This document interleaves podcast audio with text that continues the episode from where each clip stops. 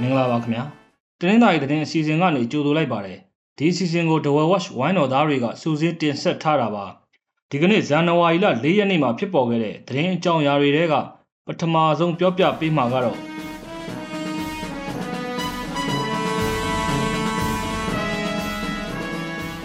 အချင်းကြနေသူတွေပြန်လွတ်လာတဲ့အကြောင်းပဲဖြစ်ပါတယ်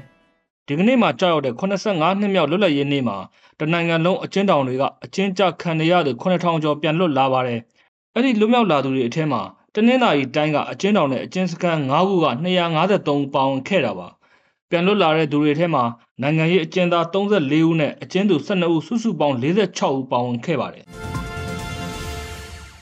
ခရီးသည်တင်ကားနဲ့ပါလာတဲ့စစ်ကောင်စီတပ်ဖွဲ့ဝင်တဦးပလောမှာအဖမ်းခံခဲ့ရပါတယ်။ ပြည်သူတွေနဲ့အတူခရီးသည်တင်ကားပေါ်ရွံ့တော့လိုက်ပါလာတဲ့တပ်သားအဆင့်စစ်ကောင်စီတပ်ဖွဲ့ဝင်တဦးဇန်နဝါရီလ2ရက်နေ့ကအဖမ်းခံခဲ့ရတာပါပလောမြို့နယ်တင်ကန်းတော်ရွာအနီးကပြည်တော်စုလမ်းမပေါ်မှာအသက်16နှစ်အရွယ်စစ်ကောင်စီတပ်သားကိုပလောဒေသပြည်သူ့ကာကွယ်ရေးအဖွဲ့ကဖမ်းမိခဲ့တာဖြစ်ပါတယ်ပြီးခဲ့တဲ့လကလည်းအဲ့ဒီလမ်းပိုင်းမှာကော့တောင်းအကျဉ်းတောင်ကအရာရှိတဦးကိုဖမ်းမိခဲ့ပါသေးတယ်ရေဖြူမြို့မဈေးအနီးမှာပောက်ကွဲမှုဖြစ်ပွားခဲ့တဲ့အကြောင်းဆက်ပြောပြပေးပါမယ် ရေဖြူမြို့မြို့မဈေးအနီးမှာဒီကနေ့ဇန်နဝါရီလ၄ရက်မနက်6နာရီလောက်မှာပောက်ကွဲမှုတစ်ခုဖြစ်ပွားခဲ့ပါတယ်။ပောက်ကွဲမှုဖြစ်တဲ့နေရာဟာလွတ်လပ်ရေးအခမ်းအနားကျင်းပခဲ့တဲ့လွတ်လပ်ရေးကြောက်တိုင်နဲ့မလန်းမကန့်မှာပါလူနဲ့အခြားထိခိုက်မှုတွေမရှိဘူးလို့သိရပါတယ်။တရချောင်းကရောဘာတောင်သူတွေထောက်ခံစာမဖြစ်မနေလုပ်နေရတဲ့အကြောင်းနားဆင်ရမှာပါ။တရချောင်းမြို့နယ်စော်ပြားကြီးရွာနဲ့အနီးနားကြီးရွာကရောဘာတောင်သူတွေဟာရောဘာချန်နဲ့တောက်ဖို့ထောက်ခံစာလုပ်နေကြရပါတယ် စစ်ကောင်စီလက်အောက်ခံပြည်သူစစ်ဆိုတဲ့အဖွဲ့နဲ့စစ်ကောင်စီတပ်က